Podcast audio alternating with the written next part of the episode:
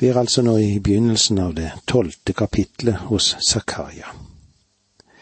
Den andre byrde kan vi òg sette som overskrift og profetiske syner på Kristi ankomme. Og vi må vel kunne si det at det er en stor forvirring angående forståelsen av Herrens dag. Og det er for få predikanter som arbeider med det som ligger i dette uttrykket. Hva tenker du på når du hører uttrykket Herrens dag? Har du en klar forståelse av hva dette inneholder? Eller er det bare et dunkelt og konturløst uttrykk, som en slags paraply som kan dekke litt av hvert? Vi hører mennesker bruke ordet herlighet, og hva betyr det? Når noen mennesker sier amen til noe, og så er da spørsmålet hva mener de med det? Det minner meg om en prest for noen år siden som sa i et menighetsrådsmøte. Nå skal vi be menighetsformannen avlegge sin rapport og fortelle oss hvordan status quo er for menigheten. En av menighetsrådsmedlemmene rakk hånden opp og sa det slik, sogneprest. Du får kanskje forklare for oss hva status quo er, og sognepresten svarte. Vel, det er latin for det rotet vi nå er kommet opp i. Visse uttrykk kan bety forskjellige ting for forskjellige mennesker.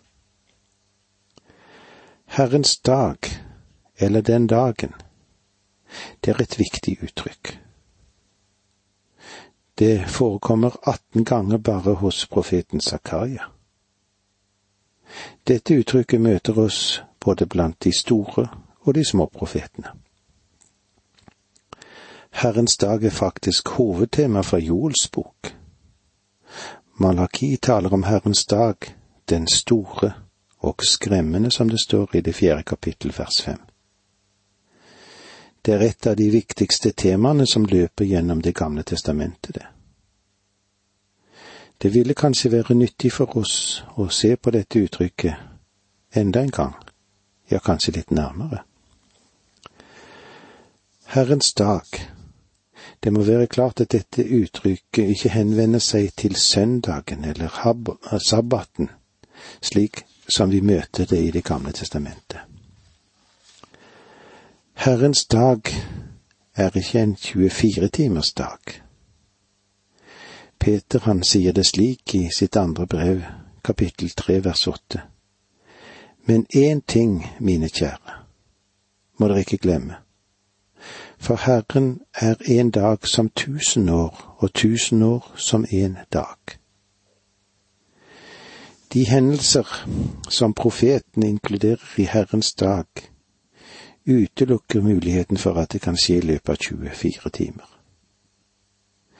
Faktisk er de veldige ting som skal finne sted under den store trengselstid. Det har fått mange faktisk til å avvise den, ja, latterliggjøre hele dette synspunktet. De argumenterer med at du kan egentlig ikke ha så mange veldige kriser i løpet av en syvårsperiode. Men moderne historie burde ha lært oss at det ikke er lenger et gangbart argument. Og jeg tror ikke at Gud vil ha noen vanskelighet med å fullbyrde alle profetiene angående den store trengsel. Herrens dag er altså en tidsepoke, eller en tidsperiode.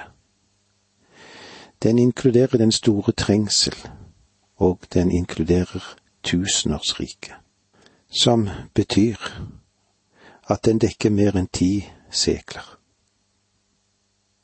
Herrens dag kommer. Lever vi i den? Det gamle testamentet avsluttes med at den dagen ligger i fremtiden. Det gamle testamentet pekte fram mot den, og Det nye testamentet lever fremdeles i forventning om at den skal komme. Apostelen Paulus gjorde det klart at denne dagen fremdeles lå framfor folket. I første Tessalonikerbrev 5.2 står det slik, for dere vet jo at Herrens dag kommer som en tyv om natten. Herrens dag var ikke kommet på Paulus sin tid, og intet har hendt etter det som skulle tilsi at den er kommet. Angående karakteren på Herrens dag, så er det en god dag, og så er det en smertelig dag. Dagen inneholder gode nyheter og dårlige nyheter. Ja, dette kan komme som ett budskap, det. Så la oss ta de dårlige nyhetene først. Den store trengsel. De gode nyhetene. Tusenårsriket. Begge disse sidene understrekes her i begynnelsen av kapittel tolv hos Zakaria, og han presenterer de dårlige nyhetene i versene to og tre. Se, jeg gjør Jerusalem til en tumleskål for alle folk rundt omkring. Også Juda må være med og beleire Jerusalem. Den dagen skal det si at jeg gjør Jerusalem til en løftestein for alle folkeslag. Hver den som prøver å løfte den, skal bare rive seg opp. Men alle jordens folkeslag skal samle seg mot byen. Det er de dårlige nyhetene. Men det er også gode nyheter, som vi senere skal bli presentert for i det fjortende kapittel, og i, fra begynnelsen av det åttende verset der.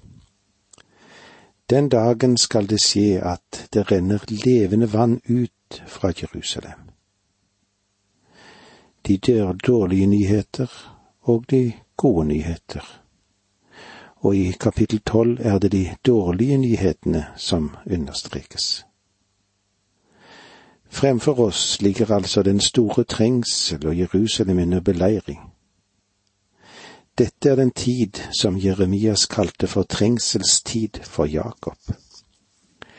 Og i Jeremia 30 versene fem og syv leser vi slik.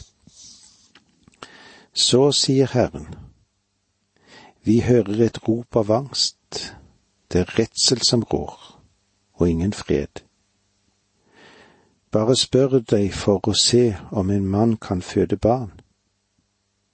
Hvorfor sier jeg da at alle menn holder hendene sine om sine hofter, lik kvinner som skal føde?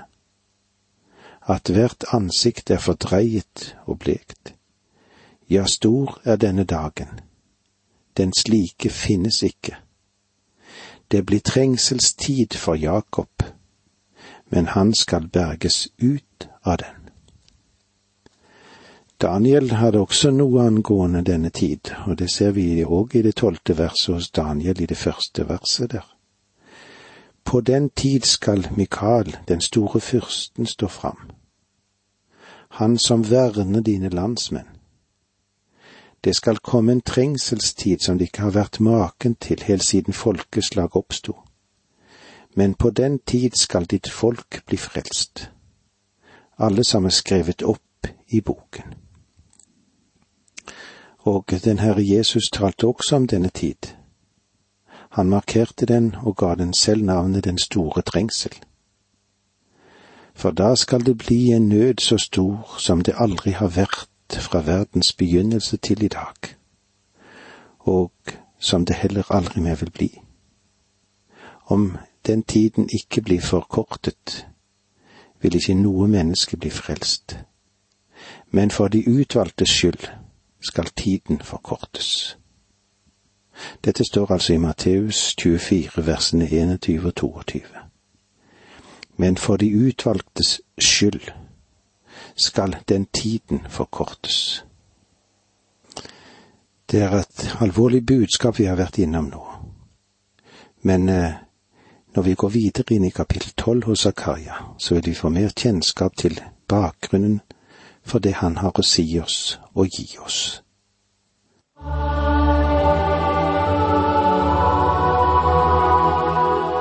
Vi er i profeten Zakaria. Vi er kommet til det tolvte kapitlet.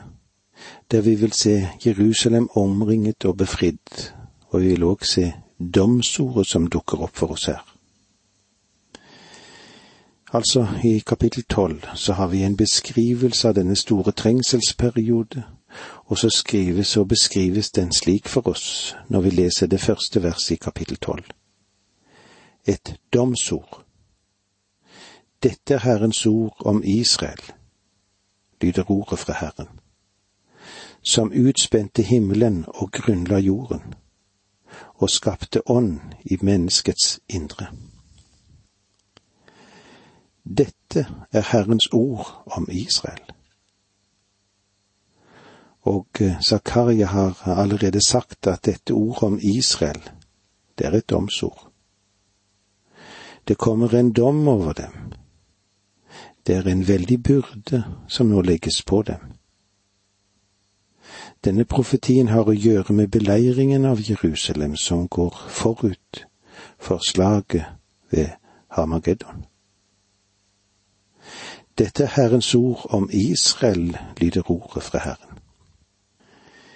I denne delen av Bibelen, som så ofte settes til side, er det en veldig vekt lagt på uttrykket fra Zakarias sin side om igjen og om igjen, og så påpeker den at det er ikke hans ideer som smugles inn.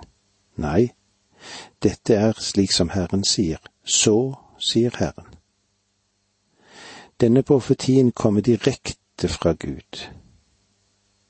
Og vil vi ikke ta imot det, ja, så gjør vi Zakaria til en løgner. Zakaria sier her at dette er ordet fra Herren. Enten er det det han formidler, eller så er det han sier til oss, en løgn. Det er ingenting mellom disse to ytterpunktene. Og avviser du dette, uansett hvem du er, så gjør du denne profeten om til en løgner.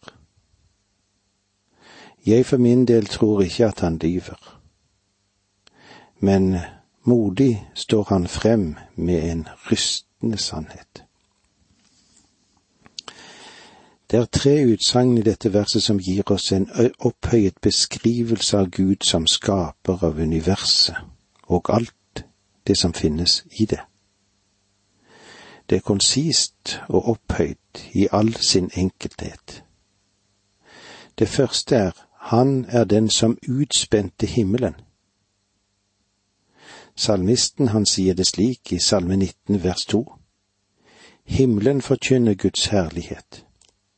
Hvelvingen forteller om Hans henders verk.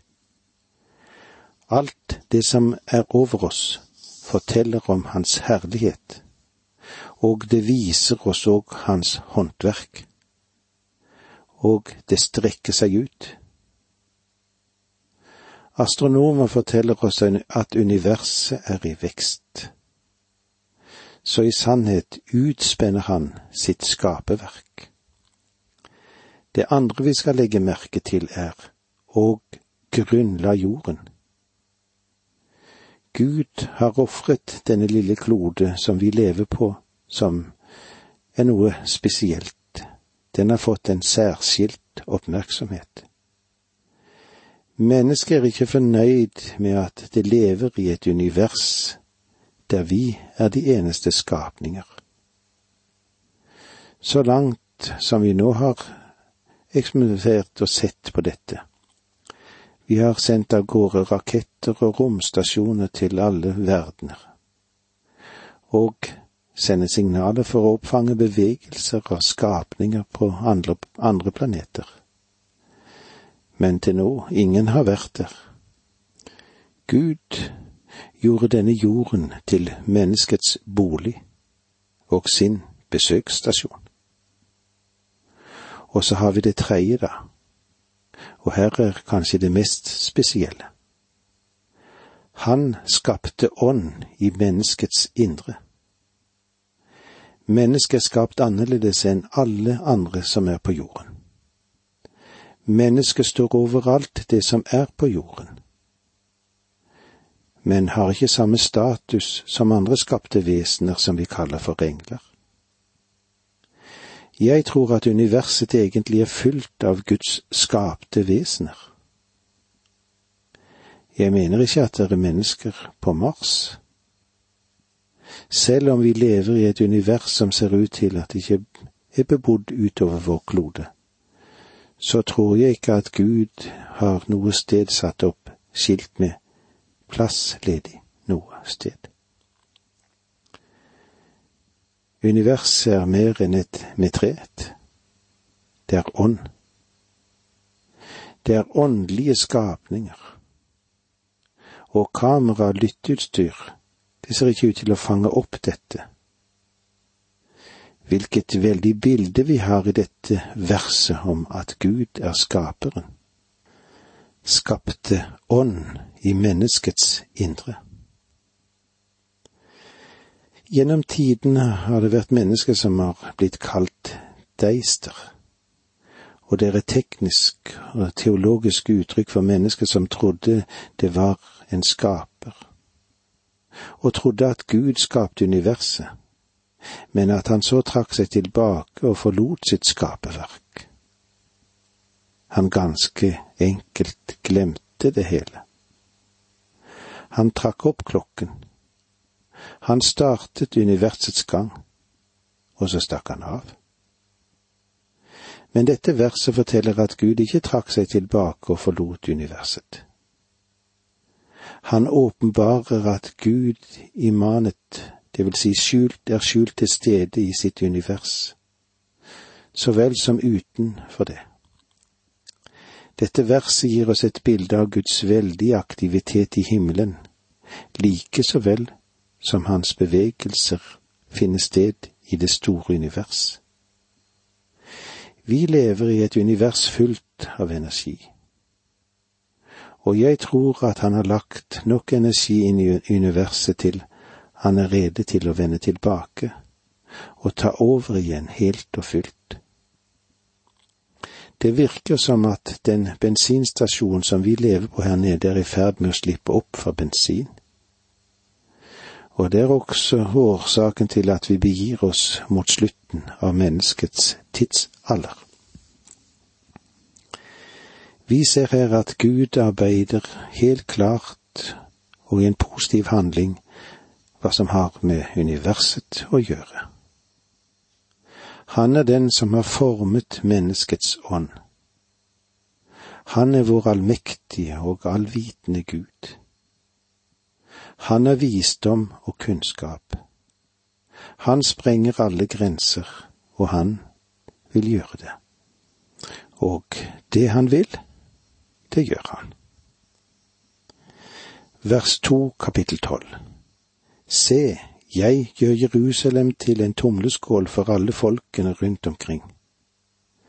Også Juda må være med og beleire Jerusalem. Jerusalem blir nevnt to ganger i dette ene verset. Og eh, som vi allerede har antydet, blir det henvist til ti ganger bare i dette kapitlet. Her møter vi Jerusalem som sentrum for av den aktivitet som vil finne sted når Antikrist tar over. Jerusalem blir et senter for angrep og dom. Se, jeg gjør Jerusalem til en tomdeskål for alle folkene rundt omkring. Det er et veldig malende uttrykk, en tumleskål. Det er en tumleplass du ikke kommer ut av. La oss nå fastslå når dette vil finne sted. Det er når det skjer en beleiring både mot Jerusalem og Juda, og der Juda vender seg mot sitt eget. Når er det? Det er i de siste dager, den tid Herren Jesus kalte den store trengselsperioden. Så tolkningen av hele denne delen har å gjøre med fremtiden. Men det vil også ha et budskap for oss og en lekse som vi skal lære. Vers tre. Den dagen skal det skje at jeg gjør Jerusalem til en løftestein for alle folkeslag Hver den som prøver å løfte den, skal bare rive seg opp. Men alle jordens folkeslag skal samle seg mot byen. Faktisk så sier Gud, du kommer til å skade deg om du klusser med Jerusalem. For jeg igjen understreke at dette har ikke noe å gjøre med andre hovedsteder i verden. Verken Roma eller Paris eller London eller Washington eller der hvor du bor, om det skulle være din by. Når han sier Jerusalem, ja, så mener han Jerusalem. Selv om han understreker dette ti ganger, så ser det mange ganger ut til at det ikke trenger igjennom hos oss. Det som skjer her, er at han taler altså om det Jerusalem som er i Juda. Og det var dette vi fikk med oss i dag. Takk for nå, må Gud være med deg.